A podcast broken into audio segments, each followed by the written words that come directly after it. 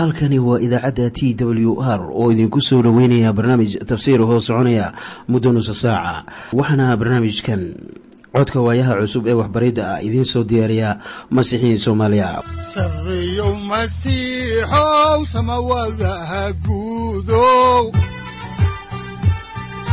Siraadkii adduunkow subanaha eebow sareyow masiixow samawadaha guudow siraadkii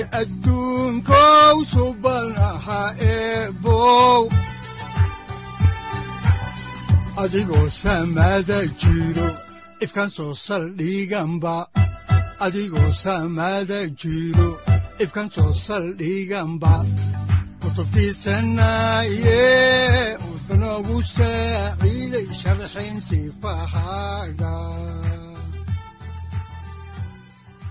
ku soo dhowaada dhegaystayaal barnaamijkeenna dhammaantiinba. Waxaan horay u sii ambaqaadi doonnaa daraasaadkii la magac baxay baibalka dhammaantii. Dhegaystayaal waxaynu soo gaarnay iminkana cutubka labaatanaad. Mawduucyada uu ka kooban yahay cutubkan labaatanaadina waxa ay kala yihiin kow ilaah oo siinaya israa'iil tobanka wasiyadood. Labo ilaah oo mamnuucaya asnaam caabudka. Saddex wixii ay keentay booqashadii ilaah dadkiisa uu soo booqday. Afar waxaa kaloo la bixiyey tusmo ku aadan halka allabariga lagu bixiyo balse inta aynan gudagelin barnaamijkan aynu wada dhagaysanno qhasiidadan soo socota.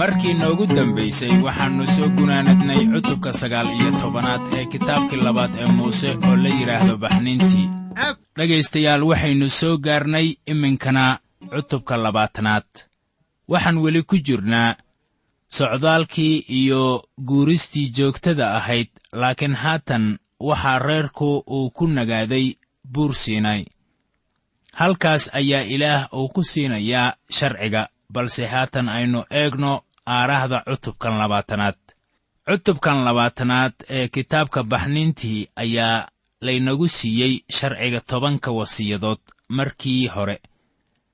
Laakiin waxay qayb ka yihiin sharciga kaasoo gadaal ka iman doona. Waxaa kaloo layna siiyey tusmo ku saabsan allabariga. Sharciga iyo waxbixinta ama allabarigu waa ay wada socdaan. Sharcigu wuxuu muujinayaa in dadku dembiilayaal ay yihiin oo ay u baahan yihiin badbaadiye waa qasab inay jirto meel allabari oo lagu bixinayo qurbaan waana in ay jiraan dhiig daadin.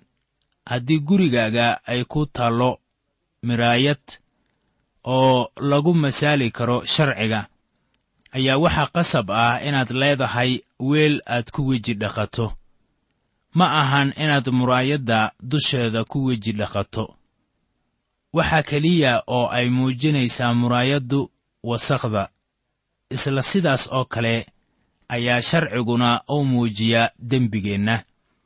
Waxaa jira qhasiido odhanaysa miyaad u tagtaa ciise nadiifintiisa. Iminkana aynu ka hadalno maaddada ah tobanka wasiyadood oo la soo dejiyey. Qaybta koowaad ee sharciyadii reer banu israa'iil la siiyey wuxuu ahaa tobanka wasiyadood kaasoo ahaa gebigiiba wax quseeya damiirka qofka. Haddaan idiin bilowno kitaabka baxniintii cutubka labaatanaad ayaa waxaa ku qoran aayadaha kow ilaa laba sida tan. Markaasaa rabbigu erayadan oo dhan uu ku hadlay isagoo leh anigu waxaan ahay rabbiga ilaahaaga ah oo kaa soo bixiyey dalka masar iyo gurigii addoonsiga haatan ilaah wuxuu leeyahay waxaan idinka soo bixiyey masar oo ahaa gurigii addoonsiga. Iyadoo ay taasu saldhig idin tahay ayaan doonayaa inaan idin siiyo sharcigayga. Haddaba israa'iil waxay weyddiisteen sharciga ilaahna wuu ka yeelay oo wuxuu siiyey tobanka amar. Waxaa haddaba loo baahan yahay inaan idin sheego waxyaabo badan marka aynu egno tobanka amar kan koowaad waxa weeye damiirka cusub ee ay yeelanayaan. Damiirkan cusub waxaa aasaaskiisu uu noqonayaa ama uu ka soo jeedaa markii aadan iyo xaawo ay joogeen beer ceedan. Markaasoo aadan ilaah addeeci waayey damiirkan cusub wuu ka horreeyey daadkii wuxuuna sii socday kadib daadkii nuux maanta xitaa sharcigaasu ma ahan wax cusub. Waxaanse jecelnahay inaan nidhaahno innagu waannu horu marnay oo waxaannu nahay dembiilayaal aad wax u bartay. Ha yeeshee sidaas ma ahan. Waxaanse nahay dembiilayaal xunxun oo juhalo ah. Oo waxaannu nahay dembiilayaal had iyo goorba. Tobanka wasiyadood ayaa ina hordhigaya heerka ilaah ninna taas ma keeni karo ama kama soo bixi karo waajibaadka ku qoran tobanka wasiyadood. Jasiiradda la yidhaahdo blackwell ayaa waxaa ku yaalla qabuurro ay leeyihiin dad dembiilayaal ah. Mid ka mid ah qabuuraha ayaa waxaa lagu xardhay erayo leh. Waxaa halkan ku aasan jidhkii john smith kaasoo khilaafay abuurihiisa oo tobanka amaradood ku ciyaaray wuxuuna dhintay isagoo jira shan iyo soddon sannadood. Hooyadii iyo naagtiisa ayaa u ooyey nin kalese illinkama ay soo dareerin. Allaha u naxariisto. Ninkii waxaas qoray wuxuu muujiyey nin isku dayey inuu diido sharciga ilaah. Ma jiro cid ku ciyaari karaysa tobanka wasiyadood oo haddana ka baxsanaysa ciqaabta ilaah sida badanse eedda waxaa leh kuweenna dadka ku wacdiya nimcada ilaah ee aan ka mahad celinin sharciga. Waxaa laynagu eedaynayaa inaan liidnay sharciga amase aan diidnay oo aan dadka barayno maadaama aynan sharciga ku badbaadin in sharciga sida la doono loo jebin karayo. Haddaba taasu run ma ahan ama noqon kari mayso marnaba waxaase taas khilaafsan wacdiye waliba oo dadka bara nimcada ilaah oo leh aragtida dabiiciga ah ee badbaadada ku timaada rumaysadka ayaa garanaya akhlaaqda sarraysa ee sharcigu uu leeyahay. Bawlos ayaa kaga jawaabay umuurtaas warqaddiisii reer rooma uu u qoray cutubka lixaad aayadaha kow ilaa labo oo leh haddaba maxaynu nidhaahnaa miyaannu ku sii soconnaa dembiga inay nimcadu badato. Yaanay noqon innagoo dembiga kala dhimannay sidee baynu mar dambe ugu dhex noolaannaa? Haddii ay kula tahay inaad horay u sii wadid inaad dembi ku noolaato oo aad jebiso tobanka wasiyadood ayaa saaxiib aadan ku badbaadin nimcada ilaah. Haddii aad xaqiiqa ahaan badbaadday waxaad doonaysaa inaad ilaah ka farxiso oo waxaad doonaysaa inaad yeesho waxa uu kaa doonayo ee lagu muujiyey tobanka wasiyadood. Markaana wacdiye kasta ee dadka bara nimcada ilaah ayaa xushmad iyo qadarin u haya sharciyada ilaah sida zabuurluhuba uu leeyahay ilaahayow waxaan jeclahay sharciyadaada oo maalinta oo dhanna iyagan ka fakaraa muxuu yahay sharcigu? Qof baa ku fasiray sida inuu yahay qoraal ka yimid maanka eebbe ha yeeshee qayxiddaasu ma ahan mid xoog leh. Sharcigu waa sharaxaad ka timid maanka eebbe oo ku cabbiran waxa ay tahay in dadku ahaadaan. Haddaba sharcigu ma lahan naxariis iyo nimco toona. Sharcigu waa sharaxaadda danniga quduuska ah ee ilaah. Zabuurlaha ayaa qoray sida ku qoran zabuurka sagaal iyo tobanaad waa cutubka ee aayadda toddobaad. Sharciga rabbigu waa kaamil oo naftu wuu soo celiyaa. Markhaati furka rabbigu waa aamin oo garaadlaawaha ayuu u caqliyeeyaa. Sharcigu wuxuu dhankaaga ka dalbanayaa kaamilnimo weligayse lama kulmin nin gaaray heerka ilaah. Markaana sharcigu ma lahan fikrad daboolan oo mana lahan wax ku qotoma. Waxaas wanaag baan ka doonayey laakiin waa iga xumaatay waxaase sharcigu uu kaa doonayaa addeecis kaamil ah waayo sharciga rabbigu waa kaamil. Sharciga rabbigu waa quman yahay fikradda qumanaanta iyo qaladaadka waxaa muujiya deegaankeenna iyo xaqaa'iqa ah inaannu nahay dad dembaabay sharcigu waa muujinta ilaah.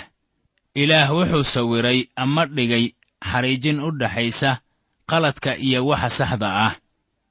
Sidee baad ku ogaanaysaa waxa quman? Ilaah wuxuu inoo sheegayaa haddaba waxa quman faracan maanta ee sida aadka ah u doonaya xorriyadda ayaa su'aal ka qaba waxa quman.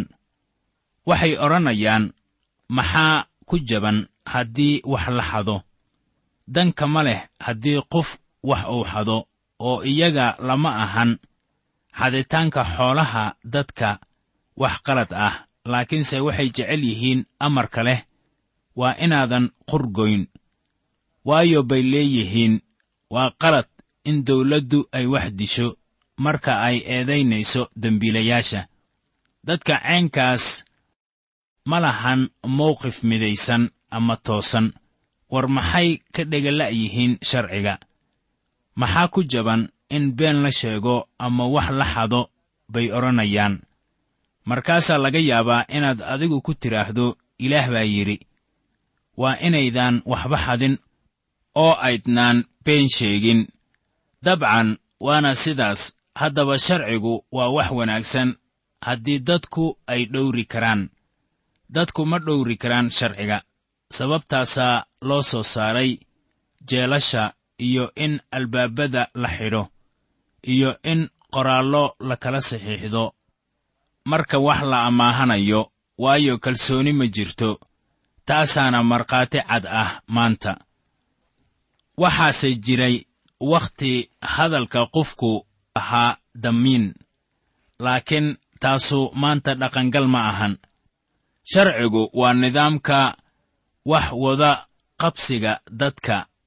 Xatooyada beenta iyo sinada waa wax qalad ah waayo ilaah baa yidhi waxaasu waa qalad ama ma ahan wax toosan. Sharcigu isaga oo qura isma xoogeeyo ha yeeshee kan sharciga keenaya waa inuu leeyahay awood. Ilaah wuxuu sharcigiisa ku xoogeeyaa awood daran. Waxaad soo qaadataa sharciga awoodda cufsoojiidka tusaale ahaan waxaad kor u fuuli karaysaa buuro ama dhismooyin dhaadheer. Laakiin waa inaad iska ilaalisaa inaadan halkaasi ka soo dhicin. Waxaa dhaqangal ah sharciga cufsoojiidka oo halkaas sare kama soo boodi karaysid waxay kula noqonaysaa inaad ka soo boodi karto. Haddii aad sidaas yeesho waa caddaan inaad adiga uun dhibaato isku keenayso. Dad badan ayaa u malaynaya inay jabin karayaan tobanka wasiyadood oo ay la baxsanayaan dembigooda. Waxay tani i xusuusinaysaa nin la sheegay inuu ka soo booday daarta la yidhaahdo embaya state building ee ku taalla magaalada new york. Markii uu soo booday isagoo dhulka ku sii socda ayaa nin taagnaa dabaqa kontonaad ee daarta. Kor eegay oo markii uu arkay ninkan isa soo tuuray ayuu ku yidhi sidee baad dareemaysaa? Markaasuu ku yidhi ilaa iyo haatan wax waliba waa caadi ha yeeshee sharciga cufsoojiidku weli waa dhiman yahay. Wuxuuse imaanayaa sharcigaasu markuu dhulka ku soo kala go'o. Haddii markaasi su'aal la weyddiin lahaa wuxuu odhan lahaa ilaa iyo haatan xaalkuma wanaagsana. Tan xiisaha leh waxa weeye in sharciga la xogeeyo si uu sharci jira u ahaado. Ilaahna wuxuu inoogu sheegay kitaabkii yaxisqeel cutubka siddeed iyo tobanaad aayadda afaraad ee baalka kun konton iyo sagaal qayb ahaan sida tan. Haddaba naftii dembaabtaa way dhiman doontaa. Markaana sharciga waa in la xoojiyaa oo kuwa sharciga jebiyaana waa inay bixiyaan ciqaabta. Waxaa jira aragti kale oo u baahan in la saxo taasina waa marka sharciga la marin habaabiyo oo nimcadiina si kale loo fasiro iyadoo labadoodaba la dhex keenayo nidaam. Markaana in sharcigii iyo nimcadii isku meel la keeno waxa ay noqonaysaa in sharciga laga qaado xoogga iyo macaaniga uu lahaa. Sharcigu jacayl ma leh. Nimcada kuma jirto sharciga. Nimcada iyo guusha ayaa waxaa laga xayuubiyey wanaaggoodii marka lagu dhex qaso sharciga. Nimcada waxaa laga qaadayaa quruxdii iyo hannaankii ay lahayd iyo jacaylkii. Marka sidaas la yeelo baahida dembiilayaasha ayaan la haqabtiraynin. Markii sharciga iyo nimcada laysku daro sharcigu wuxuu keenayaa ama ku qoran waxa qofka laga doonayo inuu ahaado. Nimcaduna waxay qeexaysaa waxa ilaah u yahay. Xoogga sharciga waa shay aynu u baahan nahay inaan garanno sharcigu wuxuu inoo muujiyaa kan ilaah uu yahay iyo farqiga weyn ee u dhexeeya ilaah iyo dadka. Bawlos ayaa su'aal ku weyddiiyey reer galatiya warqaddii uu u soo qoray cutubka afaraad aayadda kow iyo labaatanaad ee lahayd kuwiinna doonaya inay sharciga ka hooseeyaanow ii sheega sharciga miyaydnaan maqlin waa inaad dhegaysataan waxa sharcigu uu leeyahay waayo dadka waxaa lagu miisaamay tobankan wasiyadood. Waxaana la ogaaday in heerkoodu uusan sarraynin. Adiga iskama qiyaasi kartid dadka kale. Waa wax fudud in dadka ay eegaan ama ay isla barbardhigaan dadka kale. Qaar baa buuro kora oo waxay yidhaahdaan waxaannu tagnay halka ugu sarraysa ee aannu bini'aadan hore u tegin. Markaasaa ku kale wuxuu koraa buurtii ninkaasu uu fuulay mid ka sii dheer markaasuu yidhaahdaa amba meel meeshaadii ka sarraysa ayaan tegey. Ha yeeshee ninkaasu ma uusan tegin. Dayaxa amase samada sare midna. Ha yeeshee gaari maysid heerka ilaah. Sharcigu wuxuu dadka u muujiyaa waxa dadku ay yihiin iyo itaaldarradooda. Marka la eego farqiga u dhexeeyo iyaga iyo ilaah. Warqaddii reer rooma cutubka saddexaad aayadda sagaal iyo tobanaad ayaa leh waxaannu ognahay in wax alla wixii sharcigu yidhaahdo uu ku leeyahay kuwa sharciga ku hoos jira. In af kasta la xidho oo dunida oo dhammu ay ilaah ku horgardarnaato haddaba bawlos wuxuu odhanayaa mar kale sida ku qoran warqaddii reer rooma cutubka siddeedaad aayadda saddexaad oo leh waayo wax aan sharcigu samayn karayn maxaa yeelay? Wuu itaal darnaa jidhka aawadiis. Ayaa ilaah sameeyey isagoo wiilkiisa ku soo diraya u ekaantii jidhka dembiga leh oo u soo diraya dembiga aawadiis wuxuuna xukumay dembigii jidhka ku jiray qaladku ma saarna sharciga laakiin innaga ayuu inagu dhex jiraa.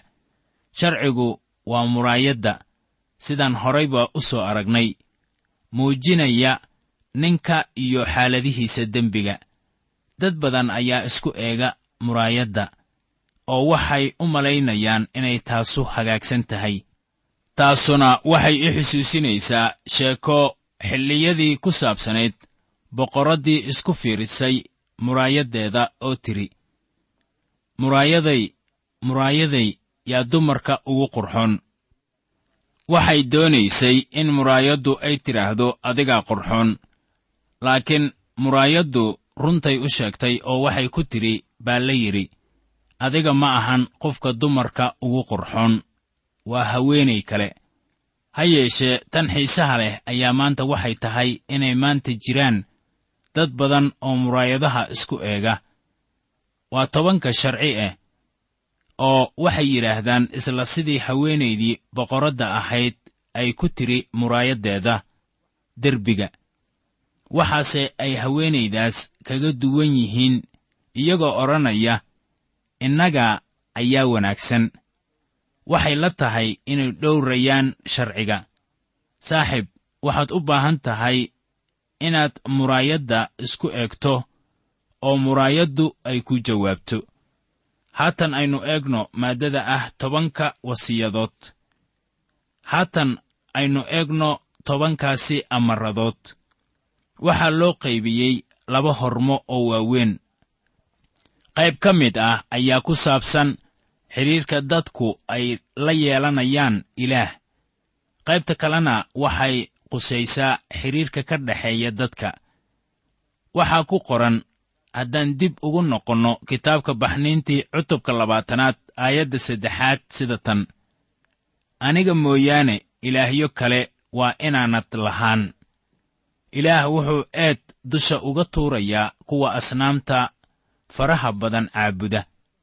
Ma jiro amar ka hor jeeda ilxaadka oo maalmahaas lama arag waayo waxay u dhowaayeen wakhtigii ilaah dunida abuuray iyo muujintii aasaasiga ahayd ee ilaah.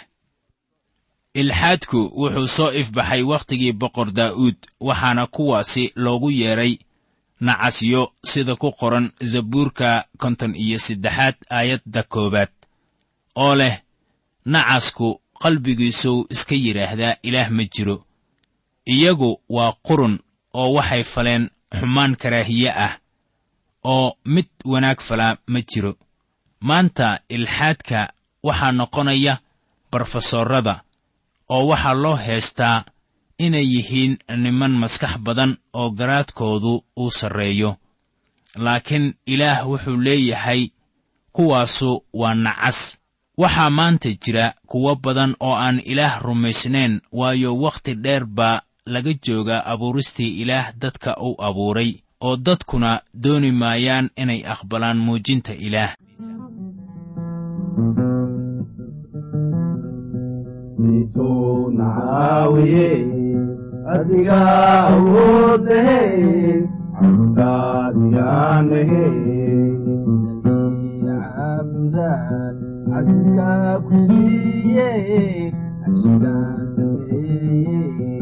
niisuu nacaawiye adiga awoodahe cabdaadiyaanahe cabdaan cabdika ku siiye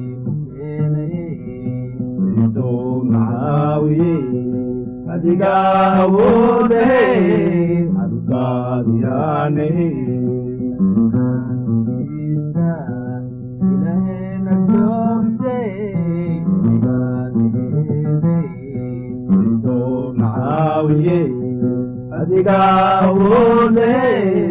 adkaadiyaanahe isuu nacaawiye adiga awoodahe cabdaadiyaanahe cabdaan cabdika ku siiye ashidaan sameeye isuu nacaawiye adiga awoodahe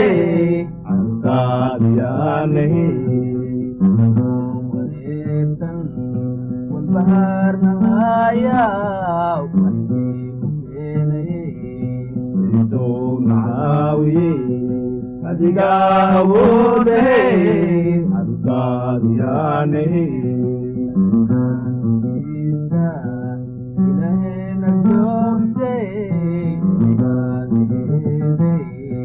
isuu nacaawiye adiga awoodahe masiixow samawadaha guudow siraadkii adduunkow subanaha eebow adigoo samada jiro ifkan soo saldhiganba adigoo samada jiro ifkan soo saldhiganba kutubtiisanaye udbanogu saaciiday halkani waa t w r idaacadda t w r oo idinku leh ilaa ha idin barakeeyo oo ha idinku anfaco wixii aad caawi ka maqasheen barnaamijka. Waxaa barnaamijkan oo kalea aad ka maqli doontaan habeen dambe. Hadahan oo kale haddiise aad doonaysaan in aad fikirkiina ka dhiibataan wixii aad caawi maqasheen ayaad nagala soo xiriiri kartaan som t w r at t w r c o k e haddii aad doonaysaan in aad dejiisataan oo kaydsataan barnaamijka ama aad mar kale dhegaysataan fadlan mar kale booqo www t w r o r g. Amase waxaad teleefoonkaaga ku kaydsataa ama ku download garaysataa agabyada ku sahli karaa dhegeysiga t w r haddii aad doonayso in laga kaalmeeyo dhinacyada fahamka kitaabka amase aad u baahan tahay duco fadlan fariimahaaga soo mari bogga aaraahda ama kommentska inana jawaab degdeg ah ayaanu ku soo diri doonaa amase ku siin doonaaye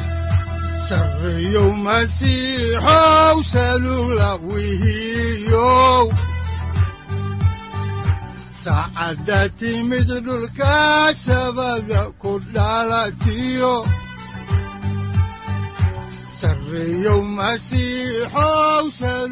halkani waa t w r oo idiin rajaynaya habeen baraare iyo barwaaqaba leh inta aynu ka gaari doono wakhti aynu ku kulanno barnaamij la mida kan caawayay aad maqasheen. Waxa aan idinku leeyahay nabadda ciise masiix ha idinku badato xagga jidhka iyo ruuxaba. Aamiin